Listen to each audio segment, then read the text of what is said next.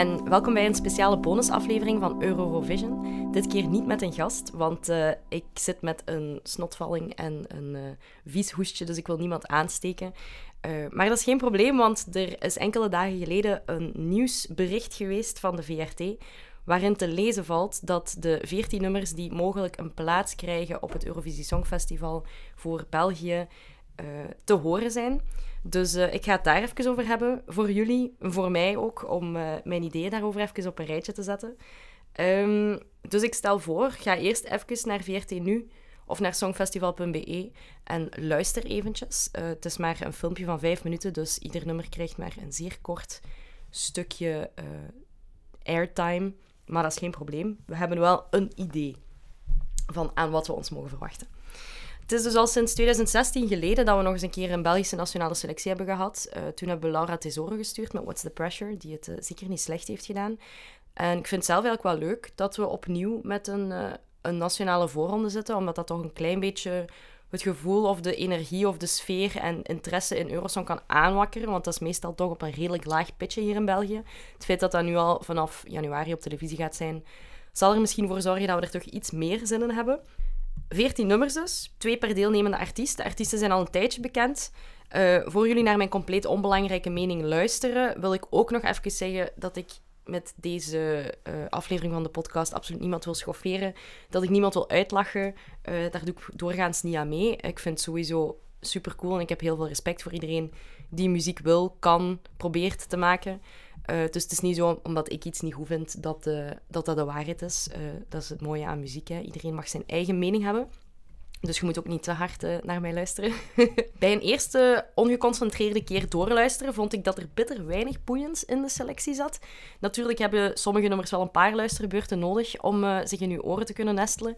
Maar ik heb het zelf namelijk maar ik heb het zelf altijd zeer interessant gevonden dat het bij Eurosong vaak wel over die eerste indruk gaat.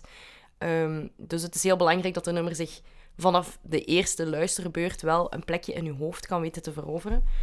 Um, de laatste 10 à 15 jaar is natuurlijk wel veel meer een ding dat mensen, vooral echte Eurovisie-fans, zich al maanden op voorhand uh, ertoe zetten om die nummers op voorhand te beluisteren en al een keer te zien wat er uh, op televisie gaat verschijnen. Op zich heb ik daar geen problemen mee. Maar ik denk toch dat de, doorsnee televisiekijkend Europa nog altijd redelijk onbezonnen aan het Eurovisie Songfestival begint. En dat die eerste indruk toch nog altijd wel heel belangrijk is. Dus voor mij is dat nog altijd een, een eerste graadmeter die, die het meeste ja, moet doorwegen. Hoe goed is dit nummer na één of max twee keer te luisteren? Want we hebben natuurlijk ook die uh, halve finales, dus dat helpt ook wel al vaak. Misschien het enige dat ik nog wil aanhalen is dat het ook heel belangrijk is dat de performance daarbij komt. Um, dus uh, het nummer is natuurlijk één ding. De filmpjes die we nu zien is, zijn redelijk doorsnee. Artiest op het podium, recht toe recht aan aan het zingen in de micro. Uh, kunnen al een beetje dingen qua stijl aflezen uit de, de, de, outfits die ze aan hebben. Maar het belang van de performance zelf uh, kan nog altijd heel veel betekenen voor een nummer. Dus daar moet je ook wel een beetje proberen doorzien, denk ik. En proberen iets voor te stellen bij de mogelijkse choreografie of ansenering. Um, maar bon, kijk, we vliegen erin. De eerste artiest die we zien is Amira. Zij zat in 2003 al in Idol, dus de eerste editie van Idol in België. En deed in 2004 ook al mee met de voorrondes voor Eurosong. Uh, dat is het jaar dat we Xandy hebben gestuurd met One Life. Uh, ze zong toen het nummer Don't Stop the Music. Dit jaar doet ze mee met The Carnival en Armageddon. Um, het zijn behoorlijk doorsnee popnummers. Al moet ik zeggen dat het refreintje van The Carnival zeker wel kan blijven plakken. Uh, om te tonen dat ik niet aan het zever ben, weet ik nog dat het zo gaat van na na na na na na na. Dus dat is al veel dat ik dan nog kan onthouden. Er zit wel potentieel in voor een interessante live performance, denk ik. Want het nummer heet The Carnival, heeft inderdaad de carnavaleske. Dat is iets dat we al vaker het goed hebben zien doen op Eurosong. Uh, call way, way back naar uh, iets zoals France Gall met Poupée de Cire, Poupée de Son. Uh, je kunt daar wel een soort van acrobatische uh, Cirque du Soleil show aan koppelen, waardoor dat, dat heel vet zou kunnen zijn. Dat is ook iets dat wij als België uh, nog niet zo vaak hebben gedaan. Een zeer uitgebreide live performance, een zotte choreografie. dus op die manier zou dat wel cool kunnen zijn. Armageddon is iets minder mijn ding. Daar wil ik het misschien niet zo diepgravend over hebben. We zien een soort van bon, Bon Iver-esque vocal stukje en dan een soort van gitaarshred. Um, boah, ik denk niet dat dit iets is dat echt heel veel potten zou breken. Natuurlijk weet ik het niet helemaal zeker, want het zijn korte stukjes. Maar uh, dan lijkt de Carnival mij toch een van de, het betere nummer van de twee. Um, bij Armageddon heb ik zoiets van... Het is niet genoeg om eerste keer te horen en dat gaat zeker niet door die semifinales geraken. Bon, Amira. Dan gaan we over naar Sherin. Sherin is uh, iemand die in het Frans zingt. Uh, ze is van Antwerpen. Uh, ik denk dat we het genre een beetje bubblegum pop kunnen noemen. Dat is iets dat we in België al... daar, waar we wel een zekere geschiedenis mee hebben hier. Ze deed al mee in The Voice van Vlaanderen in 2017. En heeft twee nummers ook. Ça m'ennuie pas en Mon étoile. Ça m'ennuie pas is een uptempo nummer dat... Ja, sorry, ik moet het zeggen, meteen aan Angel doet denken. Ik denk dat heel veel mensen daar wel mee in hun hoofd zouden zitten. Komt ook wel een beetje door de styling. Ehm, maar het is een leuk nummer. Zit wel goed in het gehoor. Ik denk wel dat Angel vocaal dan wel wat interessanter is dan Sherin. Maar in principe is hier niks mis mee, denk ik. Um, Monet 12 vind ik dat wel iets minder goed. De vocal klinkt daar echt wel heel dun. En dat is ook een lied dat, ze, dat sowieso al niet van de verrassingen moet hebben qua zanglijn, denk ik. Dus uh, op die manier denk ik dat Sama Nu Pa dan toch wel beter zou zijn. De outfit is wel de beste die we al zien in deze voorrondetjes. Uh, de lichtblauwe baby doll dress, die echt heel leuk kan zijn. En uh, die mij doet geloven dat het qua styling bij haar wel strak zou zitten. En dat we met Sama Nu Pa, met de juistere vormgeving, wel een soort van hitje kunnen hebben. Maar voorlopig blijf ik hier redelijk lauw onder. Dan gaan we verder naar Gala Dragot. Qua naam uh, vond ik dat sowieso hetgene dat mij het meest aansprak. Ik weet niet helemaal waarom, maar het klonk cool. Zij is slechts 17 jaar oud. Ze won The Voice Kids in 2019. Zij gaat voor één nummer in het Engels en eentje in het Frans. T'inquiète en Emotion Ollie. Ze wordt meteen al vergeleken met Billie Eilish. Uh, dat vind ik moeilijk. Dat is ook moeilijk te zeggen, omdat we maar zo korte snippets van die nummers krijgen. Ik snap natuurlijk wel de vergelijking qua beetje die duisterheid, ehm, de heel ingetogen, doch dramatische manier van zingen. Maar uh, ik zeg het, uh, omdat de, de, fragmenten zodanig kort zijn, is het heel moeilijk om een beetje te peilen wat voor nummers het precies zijn. Uh, haar stem is sowieso on point, daar kan ik weinig over zeggen. Maar het is heel ingetogen, heel theatraal op een naar binnen gekeerde manier, om het zo te zeggen. En als die ingetogenheid drie minuten wordt aangehouden zonder groeiende nummer of interessante wissels in mood of muzikaal kleur of tempo, dan denk ik dat dat iets moeilijk gaat zijn om te vertalen naar het uh, gigantische Eurovisiepodium. Maar ja, we verwachten dus uh, misschien wel meer dan, uh, dan op het eerste gezicht blijkt uit deze snippets. Dus ik vind het heel moeilijk om hier een deftig beeld van te vormen. Of die vergelijking met Billie Eilish dan helemaal opgaat, zullen we ook later beslissen. dat zie ik nog niet meteen helemaal. Ze heeft wel cool schoenen aan. Het is wat een beetje gothy. Uh, wat ook wel hip is tegenwoordig, denk ik. Dus oké, okay, Gala Dragot. Ik ben nog altijd geïntrigeerd. Dan ga ik over naar Gustav, de deelnemer waar ik misschien het meest voor voel, na een enkele luisterbeurt. Hij was al twee keer achtergrondzanger op het Eurovisie Songfestival zelf, dus in 2018 bij Senec en in 2021 bij Hooverphonic. Hij heeft dus zeker al wat ervaring met het gigantische podium. En dat kan alleen maar een voordeel zijn, denk ik. Want het is niet simpel om je ding te moeten doen daar voor die miljoenen kijkers. Uh, hij komt met de nummers Because of You en The Nail. Because of You is een soort clubby disco-funk nummer. Zeer recht toe recht aan zanglijn die niet per se uitdagend is, maar uh, wel netjes wordt gezongen.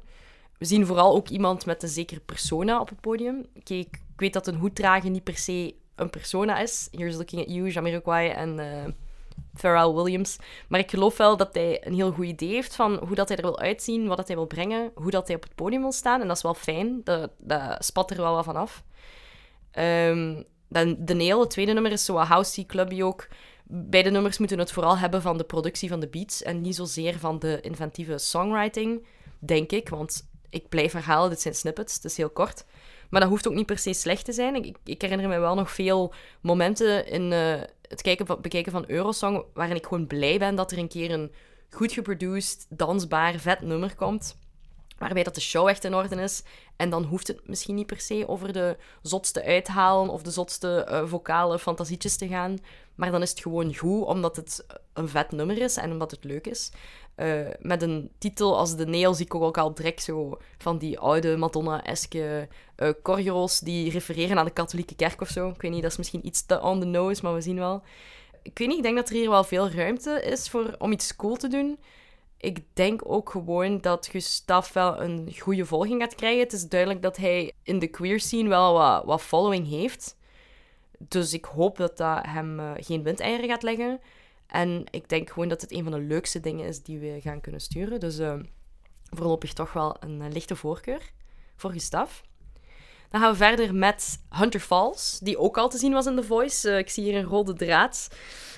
Hunter Falls zingt Home. Dat is niet meteen mijn ding, maar wel iets dat doorgaans het zeer goed zou kunnen doen. Het is zo wat overproduced, melodieuze popmuziek met irritante elektronische strijkers. Sorry, dat is echt mijn ding niet. Uh, met zo'n wat beetje, ja, een beetje Coldplay-vibes, die de laatste jaren ook die kant zijn opgegaan. En ook daarbij hoort een, uh, een meezingrefreintje van Ootjes. Ik uh, ga mijn best doen, maar ik denk dat het... Wow, oh, iets in dat genre is. En ja, dat is, dat is eigenlijk iets heel stom, maar langs de andere kant werkt dat wel vaak. Dus ik denk dan dat dat misschien toch wel goed zou kunnen doen, ook al is dat echt niet mijn ding. Het tweede nummer dat Hunter Falls brengt is Olala, of Oolala. En dat is wel het betere nummer van de twee, vind ik. Met de juiste visuals zou dat zelfs een leuke knipoog of callback kunnen zijn naar zo de Ricky Martin-eske Eurovisie-deelnemers die het uh, heel goed deden uh, rond 2005 tot 2010 of zo. Dus zo het wel de, knappe boy met de strakke dansmoves die een, uh, ja, een soort Latin-eske uh, nummer brengen. Het zou zomaar eens een Spaanse inzending kunnen zijn. Hopelijk doet het dat dan wel beter dan de Spaanse inzendingen het meestal doen. Kan leuk worden, maar ik denk niet dat we hier met een, een potentiële winnaar zitten. Dan gaan we over naar Loredana. Loredana heeft ook al wat op haar palmares als het op Eurovisie aankomt. Ze deed mee met Tu Fabiola in 2014 met het nummer She's After My Piano. Toen samen met Patje Crimson natuurlijk. Uh, maar we hebben, in de voorrondes in België dan, maar we hebben dan Alex hier toegestuurd met Mother. Nu gaat ze dus uh, solo meedingen voor een plaatje op het Eurovisie podium.